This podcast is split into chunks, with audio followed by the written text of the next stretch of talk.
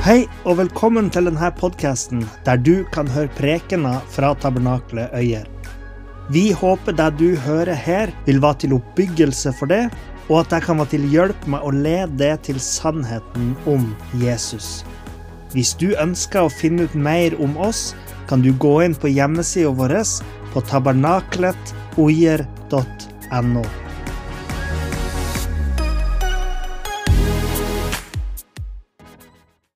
Eh, jeg er veldig veldig spent på, på det budskapet jeg har, har, fått i dag. For jeg føler virkelig at jeg har fått et budskap som er uh, noenlunde kreativt, uh, men også veldig trosstyrkende i alle forskjellige faser. Og, og, jeg er veldig veldig spent på hva, hva Gud ønsker å si gjennom meg i dag. Um, jeg har bare lyst til å legge det her i, i Guds hender. Takk, kjære far, for um, at du du kommer med din hellige ånds kraft. At det er du som taler i dag. Du ønsker å sette ord på, på livssituasjoner. Du ønsker å sette ord på nye perspektiver av hvem du er.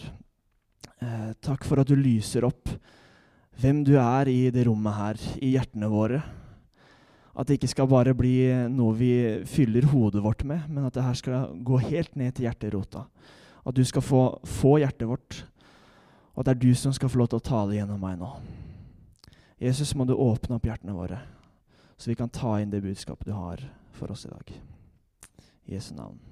Amen.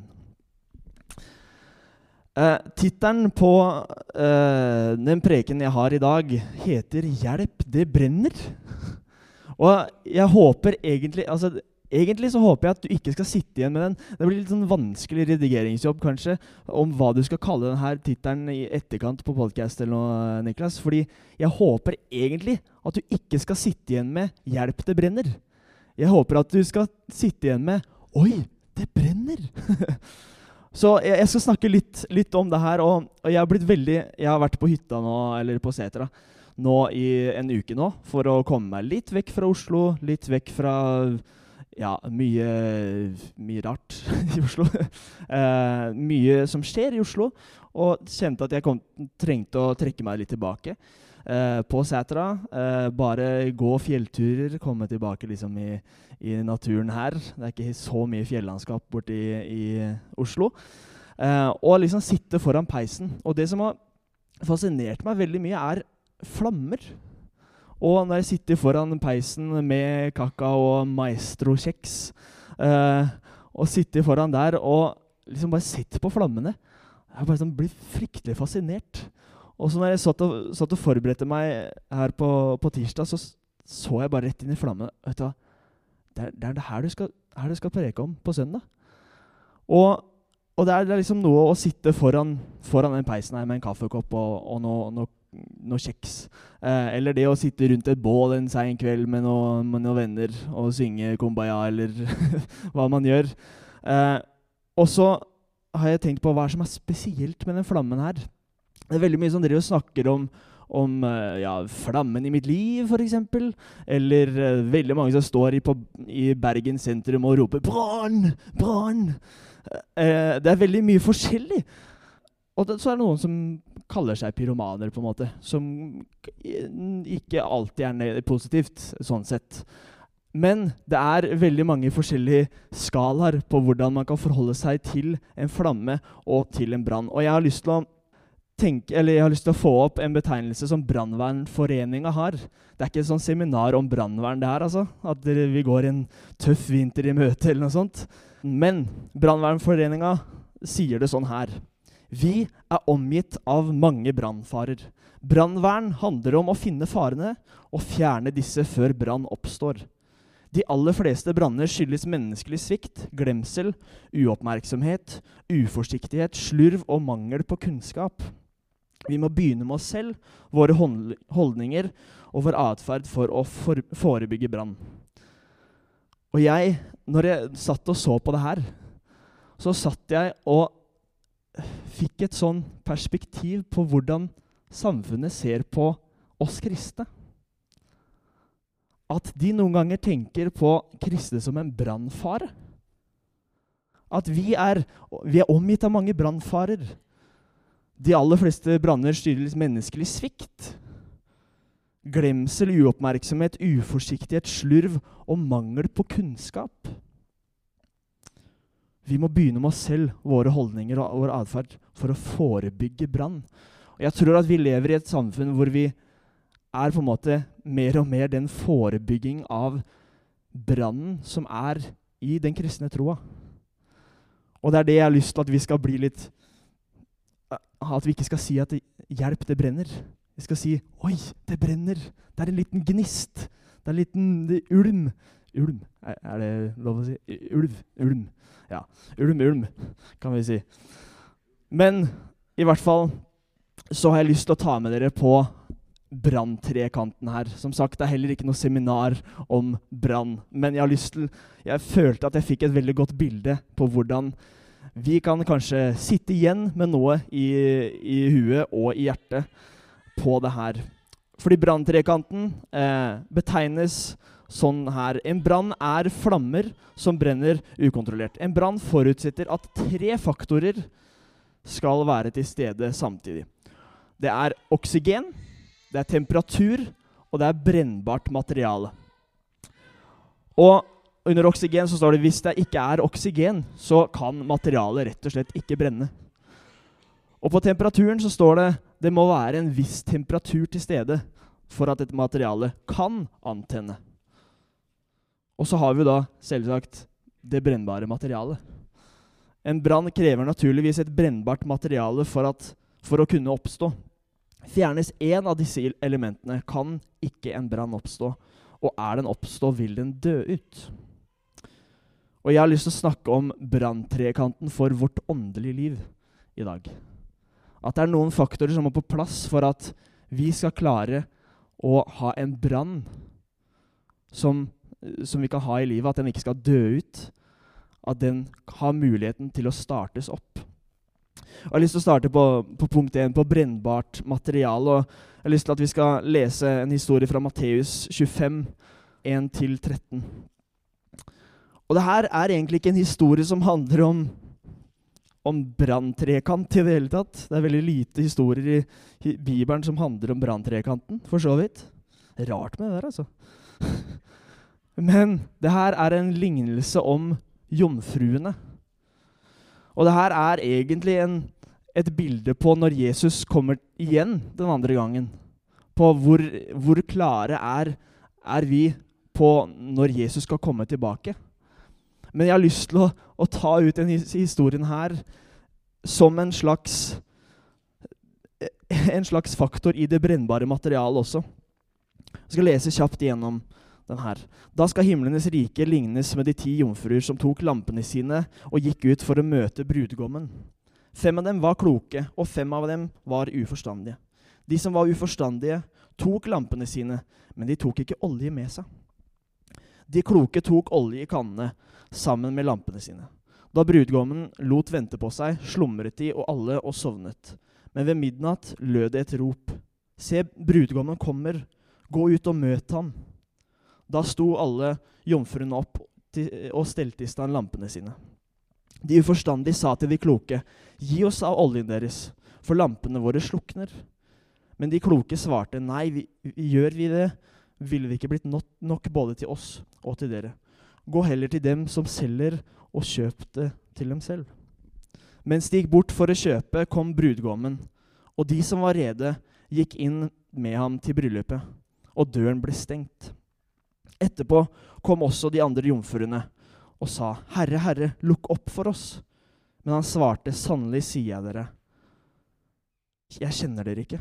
Våg derfor, for dere kjenner verken dagen eller timen for menneskesønnens komme.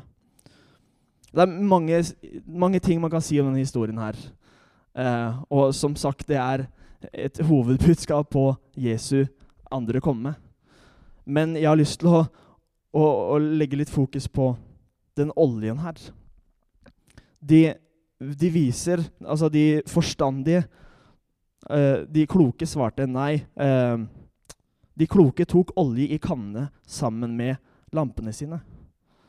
De hadde med seg noe som gjorde at det her var Altså, de visste at de hadde en flamme her, men visste de at, at de hadde noe påfyll De hadde nå et materiale som de visste at de, de måtte ha med for at det her skulle vare videre. For at de skulle klare å se i mørket der. For at de skulle klare å være, være klare når brudgommen kom. Og jeg tror at den olja her rett og slett er troen på Jesus. Jeg tror det er såpass håndfast som troa på Jesus. Og på DTS-en som jeg var på i Mexico nå, så lærte vi en, en five finger gospel, kalles det. Altså der du kan fortelle evangeliet med fem fingre. Du kan gjøre det så lett. Fordi evangeliet er egentlig såpass lett. Det er ikke lett å forstå det for kanskje mange, men det er ganske lett å skulle forklare det. Og, og vi lærte det at Og jeg tror at det her er på en måte den essensielle olja i vårt trosliv. Det er det her det står på. Det er det her det er det brennbare materialet vi kan bygge våre liv på. Det er nummer én at Gud skapte oss i en perfekt relasjon med Han. Og han elska oss sånn som vi var. Nummer to så kommer den her inn. Og så er det noen som sier Hæ? Har Gud virkelig sagt det her? Og så feiler menneskene på det som Gud har, har laga for dem, den relasjonen der. Så de sier nei, vet du hva, vi, vi, vi, vi går bort fra det her. Har, har, Gud virkelig sagt det? Og denne fingeren den er jo ikke veldig positiv i seg sjøl, egentlig. Hvis du viser den til noen, så er ikke den så veldig positiv. Og det betyr at det måtte komme noe. Det måtte komme en straff for det.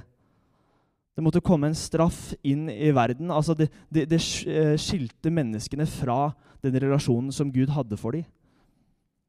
Men så sier Gud igjen, når man setter en ring på ringefingeren her, så sier han, 'Vet du hva? Jeg sender Jesus ned på jorda.' Fordi jeg vil, fort, jeg vil fortsatt ha denne relasjonen her med dere. Og så sier han, 'Ta på denne ringen her. Jeg, jeg har lyst til å gi deg den ringen tilbake her.' Og så er det ikke bare Og, og Jesus dør på korset for oss for at han skal få tilbake den relasjonen. Og så er det ikke bare en relasjon som varer nå, men det er et pink, sånn pinky promise, kalles det. Så et løfte på at vi skal få et evig liv sammen med Jesus. Og det er en veldig, veldig fin måte å, å kunne ha, si evangeliet på. Absolutt, det kan legges til masse mer. Det kan, ja. Men det er det enkle evangeliet. Og jeg tror at det enkle evangeliet i våre liv må være olja som de, de eh, jomfruene her kommer med. Det, her, det, er det her vi må brenne det på. Det er det her vårt brennbare materiale er.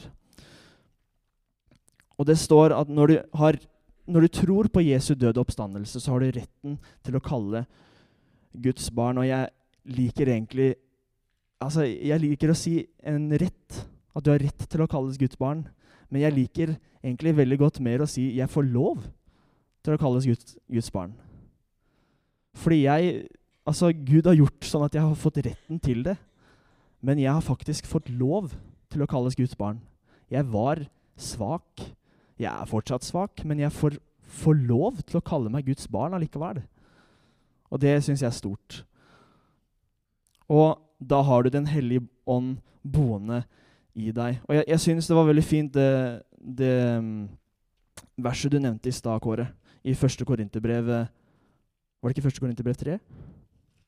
3,16. Vet dere ikke at dere er Guds tempel, og at Guds ånd bor i dere? Vi er brennbare materialer når vi tror på Jesus Kristus. Og i første videre i 1. Korinterbrev 6,17 så står det Men den som er forenet med Herren, er én ånd med ham.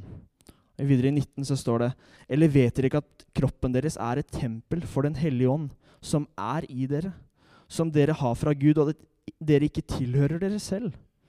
Dere ble kjøpt med en høy pris. Gi derfor ære med deres kropp og i deres ånd, for begge hører Gud til. Vi er brennbare materialer. Det har ikke noe med oss å gjøre, egentlig. Det handler om at når vi tror på Jesus, så har vi fått en, en brennende ånd i oss. Den levende hellige ånd i oss. Og det er den som lever.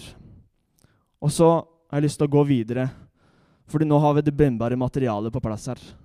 Det det er det essensielle, det er det troa står på. Men så tror jeg at vi kan være i mange forskjellige faser, akkurat som en brann. Og jeg tror at vi må ha noen andre ting rundt oss for at det her skal være med å vokse, for at den brannen ikke skal bare være et, et lite stearinlys, eller at det skal se, se fint ut bortpå der, men det er egentlig ikke en flamme. Fordi det er liksom brannsikkert bortpå der det, med batteri. Men jeg tror at vi må ha oksygen. Det var et veldig dårlig bilde, egentlig, for den trenger egentlig ikke så mye oksygen og sånt. Var, ja. Men dere skjønner tegninga, i hvert fall. I hvert fall nummer to er oksygen. Um, og det står her en av de beste måtene med å hindre en stor brann er rett og slett å kvele flammen ved å hindre tilgang til luft fra der det brenner. Hvor får du oksygen fra? har jeg lyst til å spørre. Og det tror jeg er et veldig viktig spørsmål å stille seg. Hvordan ser klimaet ut i dine omgivelser? Er det ren luft på arbeidsplassen? Og nå snakker jeg ikke generelt. Altså Nå snakker jeg ikke helt bokstavelig om at det er ren luft, for det, det kan være er det hos mange. Men nå snakker jeg om klimaet rundt, miljøet ditt rundt. Er det forurensa? Er det masse CO2 i lufta som gjør at du blir kvært i din tro? Jeg tror at for mange så kan vi fort bli sånne der second hand smokers. Altså an, Hva heter det på norsk? An, Annenhåndsrøykere. ja. An, ja. Noe sånt. I hvert fall så når jeg, når jeg har gått forbi noen som røyker, så, så får jo jeg inn røyken sjøl òg. Det er jo ikke veldig positivt for meg. Men hvis vi er i sånne miljøer hvor vi hele tida tar inn forurensa luft, eller blir påvirka på den og den oi, måten, så tror jeg vi etter hvert kan bli kvært hvis vi ikke ser og får opp øya og får opp perspektivet. Og jeg har opplevd litt forskjellig av litt forskjellige miljøer, egentlig. Um, fra det å Altså rene miljøer, ganske forurensa miljøer. Um, og jeg, jeg, fullførte min, min DTS nå, disippeltreningsskole nå i juni. Og jeg, jeg, tror nesten at det var litt altså så rein luft at vi nest, det nesten var liksom at vi Det var helium i lufta. Du, du fløy nesten. Og og, og jeg, måte, jeg, tror det er veldig viktig å finne et perspektiv på ok, hvor står jeg i mitt miljø. Og jeg tror vi kan forstå i forskjellige miljøer til forskjellige sesonger i livet. Men jeg tror det er viktig at vi veit hvor vi står hen. Um, og så er det noen faktorer som kan være med å tilføre sunn og frisk oksygen i ditt trosliv. Og det tror jeg vi finner noen nøkler på i apostlenes gjerninger 242. Um, og her står det De holdt hele tiden fast, urokkelig fast, på apostlenes lære, samfunnet, brødsbrytelsen og ved bønnene. Og det her er et avsnitt som, Paulus, nei, som det snakkes om at en levende menighet vokser. Og jeg tror at det her, de fire jeg, jeg, har kalt det for b-er, jeg, da. egentlig. Jeg har tatt apostlenes hjerne til, til Bibelen, altså sannheten. Eh, til bønnen, som også står der. Til brødsbrytelsen, og også brorskapet, som er fellesskapet. da. Og jeg tror det er de faktorene her som er ekstremt viktige for at vi skal puste inn eh, ren oksygen inn i troslivet vårt. I første Mosebok kapittel 2 vers 7 så står det at Herrens pust i Adam var med på å gi han liv. Gud blåste sin livspust inn i han. Akkurat som du blåser på en flamme når det skal gi, gi mer Altså det skal bli en større flamme. Og jeg tror at dette er et såpass essensielt eh, vers som vi kan ta med oss. De holdt hele tiden urokkelig fast på apostlenes lære, samfunnet, brødsbrytelsen og ved bønnene. Så se rundt på, på livet ditt. Se rundt på miljøet ditt. Og, og sett opp mot Sett opp mot det her. Har jeg de fire b-ene her i mitt trosliv? Og jeg har også en ekstra B til dere. Blåsebelg. det står ikke i Bibelen, da. Det gjør ikke det. Men blåsebelg jeg, jeg, hadde egentlig tenkt å ta med en blåsebelg ned hit. Men jeg fikk ikke lov av mamma. Nei, jeg tulla. men blåsebelg Jeg liker jeg, jeg, er ikke så glad i ordet, men jeg er veldig glad i Blåsebelg er et veldig rart ord, egentlig. Men jeg er veldig fan av hva blåsebelg gjør. Det er jo en rar greie, egentlig. Det er nesten som trekkspill. Men når du blåser på en liten gnist der, noe glør Hvis du blåser ikke for hardt hele tida, men hvis du blåser med en jevn og god rytme, så kan du få den minste gnist til å bli en flamme. Og det fascinerer meg fryktelig på en sein kveld når jeg er sånn Oi, jeg har ikke fylt på mer uh, vedkubber. Noen ganger så tror jeg at vi må bruke rett og slett Bibelen som en blåsebelg inn i livet vårt. Du kan, du kan sitere meg på den. altså. En blåsebelg inn i livet vårt. At Bibelen skal få lov ikke, ikke at Bibelen blir en sånn greie som vi Oi, nå har jeg ikke lest Bibelen i det siste. Nå må jeg, nå må jeg lese hele første Mosebok for å komme i gang igjen. Oi, hvor, er identiteten min? For da kan det fort bli sånn at vi plutselig blåser for mye. Og da gir det ikke så veldig mye effekt. Men hvis vi daglig fyller oss med de b-ene her, og bruker Bibelen som en blåsebelg, som vi kjører en daglig rytme, så tror jeg det her kan være med å puste liv, puste oksygen inn i den lille gnisten eller den store flammen som du allerede har i livet ditt. Det står i Matteus 5, 15 og 16. Man tenner heller ikke en lampe og setter den under et kar, men i en lampeholder. Da gir den lys til alle i huset. På samme måte skal dere la lyset deres skinne for menneskene, så de kan se de gode gjerningene deres og ære deres far, han som er i himmelen. Jeg tror at vi kan være med å gi oksygen til hverandre. Vi kan være med å å vise Altså, vi kan være med å lyse opp hverandre her.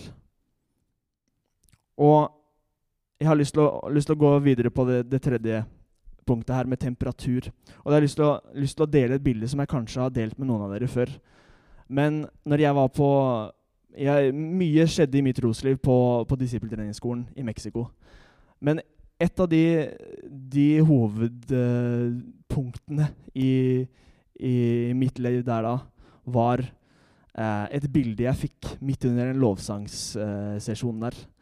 Hvor jeg så på meg sjøl, altså lukka øya, så på meg sjøl i liksom et perspektiv hvor jeg løp rundt med en fakkel i hånda. Eh, og så løp jeg rundt, og det var sånn veldig fint bilde, for det er jo fra Øyer. Det er liksom, Yes, fakkelmannen! Det var fint. så løp jeg rundt med den fakkelen her. Og så ser jeg, ser liksom, ja, ja, det er et kult bilde, da. Driver og løper rundt og liksom tenner på borti her og tenner på borti her. Blir litt sånn sliten etter hvert og sånt. Og så, så, ser jeg bare sånn Ja, det, det var jo et kult bilde. Wow, jeg kan løpe, liksom. Men så ser jeg, ser jeg, på den flammen på den fakkelen etter hvert at den begynner å bli sånn, bli sånn sliten. Det er liksom på, på nyttårsaften når du er på siste, siste der. Og den begynner å bli veldig sliten, og så tenker jeg ok, hva betyr det her for noe? Og så plutselig zoomer perspektivet ut. Det zoomer ut, så jeg ser noe annet i bildet her. Og det, plutselig så står Jesus bak her. Og han, han står der med et bål. Og så står han Og, og så sier jeg ja, det er kult, det òg. Du, du, er der, jeg er her. Oi, ja. Det, ja, sant det. Og så står jeg og ser at Jesus gråter. Fordi han ser på meg drive og løpe rundt her. Løpe rundt her. Prøver å tenne opp den der. Prøver å tenne opp den her. Og så er liksom alt det jeg prøver å tenne opp der, det, det bare svikter. To sekunder etter jeg har forlatt det. Og så sier han, 'Hva er det du gjør?' Hvorfor, hvorfor kommer du ikke nærmere bålet mitt? Hvorfor kommer du ikke nærmere der? Og, og det, det, var et så sterkt bilde for meg. At det er jo det essensielle i den kristne troa. At vi, altså, ja, vi er, kalt, vi er blitt sendt ut. Vi er blitt utrusta. Men det betyr ikke at vi skal forlate bålet. Det, det, kanskje det skal være at du skal stå ved bålet, og så kan du ta en armlengdes avstand og fyre opp de rundt deg. Men jeg tror at når vi begynner å løpe rundt her, så mister vi hele poenget med det Jesus egentlig Husker du den tommelen? Han skapte oss i en relasjon til han. Om at vi skulle være med han. Ikke at vi skulle løpe rundt her og prøve ting på egen hånd, fordi vi feiler. Så vi må komme nær kilden, vi må komme nær bålet. Og det er temperaturen. Vi må komme nærmere en varm temperatur. Vi hadde noen ganger hatt puls på, på uh, uh, her i menigheta, hvor vi på en måte sjekker litt sånn hjerterytma, eller kan egentlig ta temperaturen på hvordan menigheta er. Og jeg har lyst til at vi skal ta litt temperaturen på oss sjøl, på en måte. Hvor varm eller kald er jeg? Og det står i, i Johannes' åpenbaring. Og det er også et bilde som har slått meg veldig. Johannes' åpenbaring 3, 15 og 16. Jeg vet om gjerningene dine. Du er verken kald eller varm. Derfor, fordi du er lunken og verken kald eller varm, vil jeg spy deg ut av min munn. Det er veldig voldsomt. Men jeg kan kjenne meg igjen når jeg drikker lunken kaffe. Uff, det er noe av det verste jeg veit om. Det er ikke godt. Kåre, når du er på arbeidsplassen finner, finner de en, en, lunken kaffekopp Ikke en lunken kaffekopp, da, men kaffedråpa. Det er ikke fryktelig godt, det. Men det er et ekstremt godt bilde. Fordi det står 'om du enda var kald eller varm'. Hvor er vi? Er vi kalde? Er vi, føler vi noe av den der temperaturen egentlig fra det bålet til Jesus? Eller står vi ute her og fryser? Jeg tror vi må sjekke vårt eget trosliv. og Jeg skal ikke sjekke for deg, det er noe du må sjekke sjøl. Men jeg tror den essensen er vi må komme nærmere Jesus. Og det er vi en kirke som er tydelige på at vi må komme nærmere Jesus. Det handler ikke hvor mye vi kan gjøre, det handler ikke om hvor mye vi får til. Vi må komme nærmere Jesus. Ja, det er olja vår.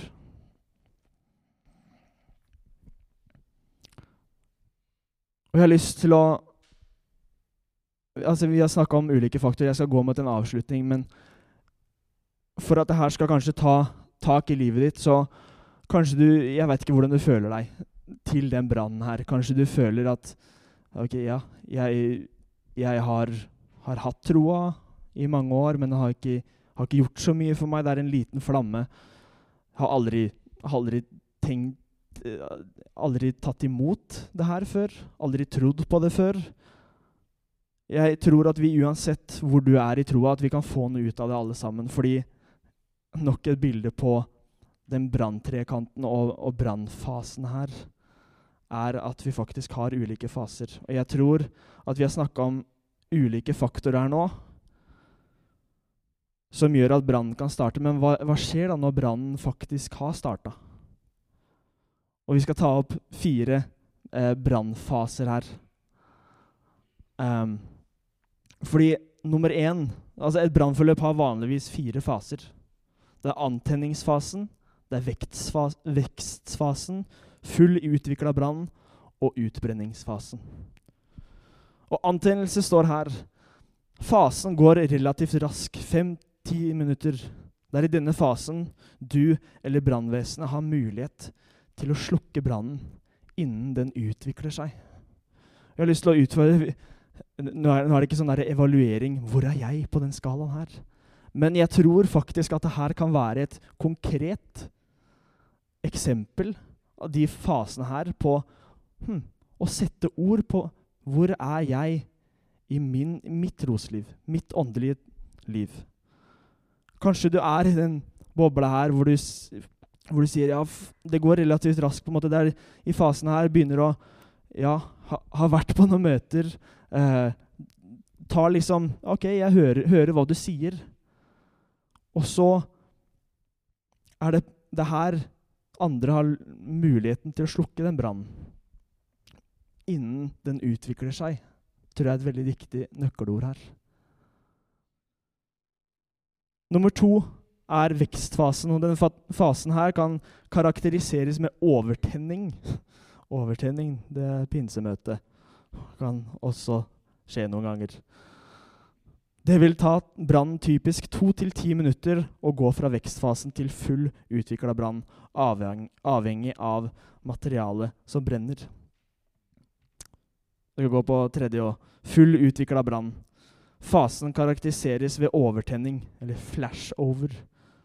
Det har oppstått en fullt utvikla brann i rommet, og det er ikke lenger mulig å slukke den med normalt håndslukkingsutstyr. Jeg drømmer om at vi er en menighet hvor vi er i full brann. Det er på en måte det jeg ønsker. At vi skal komme nær Jesus og få full brann i hjertet vårt. Men så er det ofte mange som kommer i den siste fasen her. Utbrenningsfasen.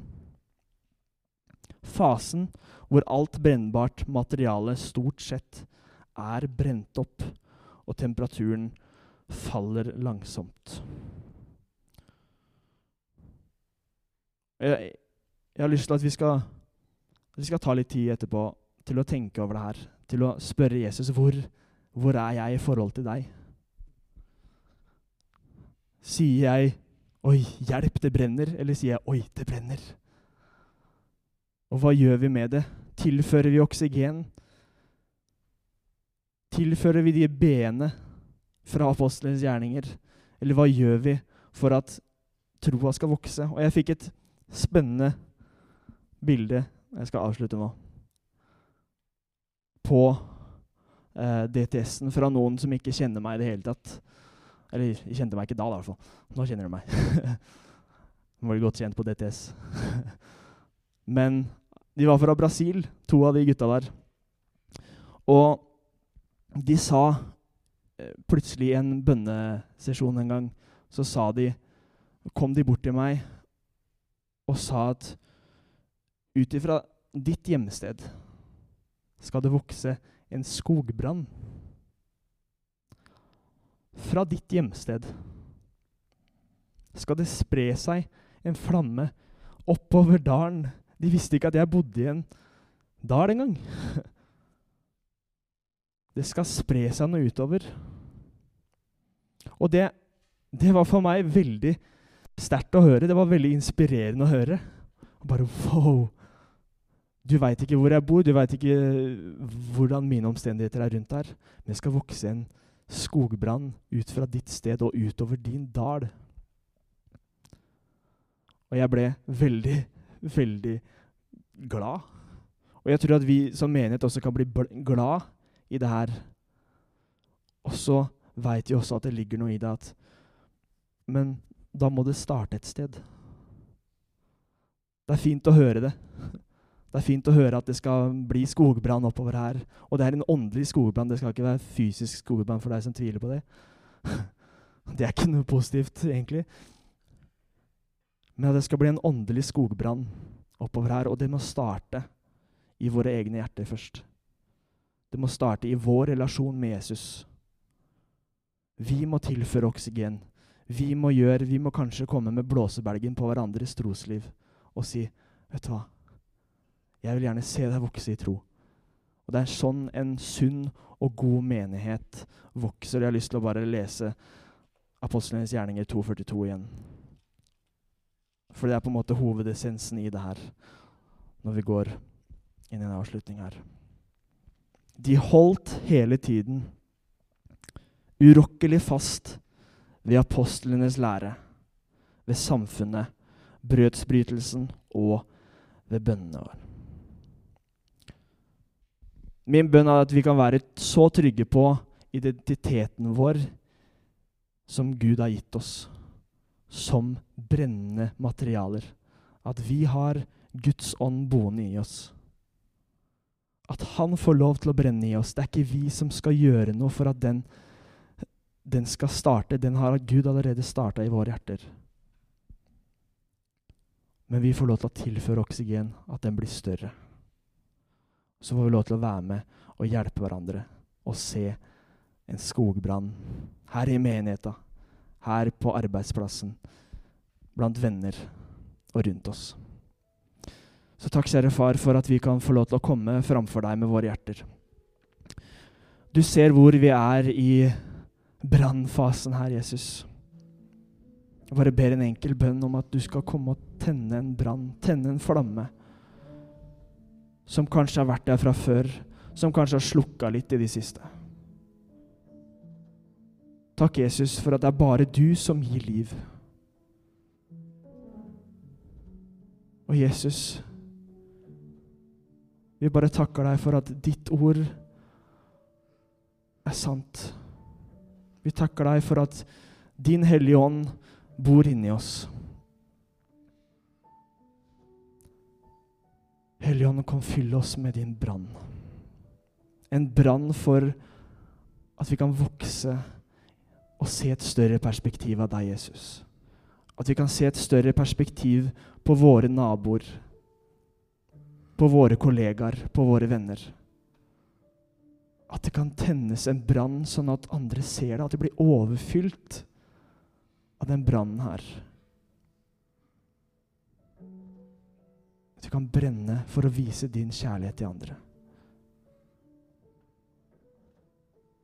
Takker deg for din nåde. I Jesus store navn. Amen. Takk for at du hørte på.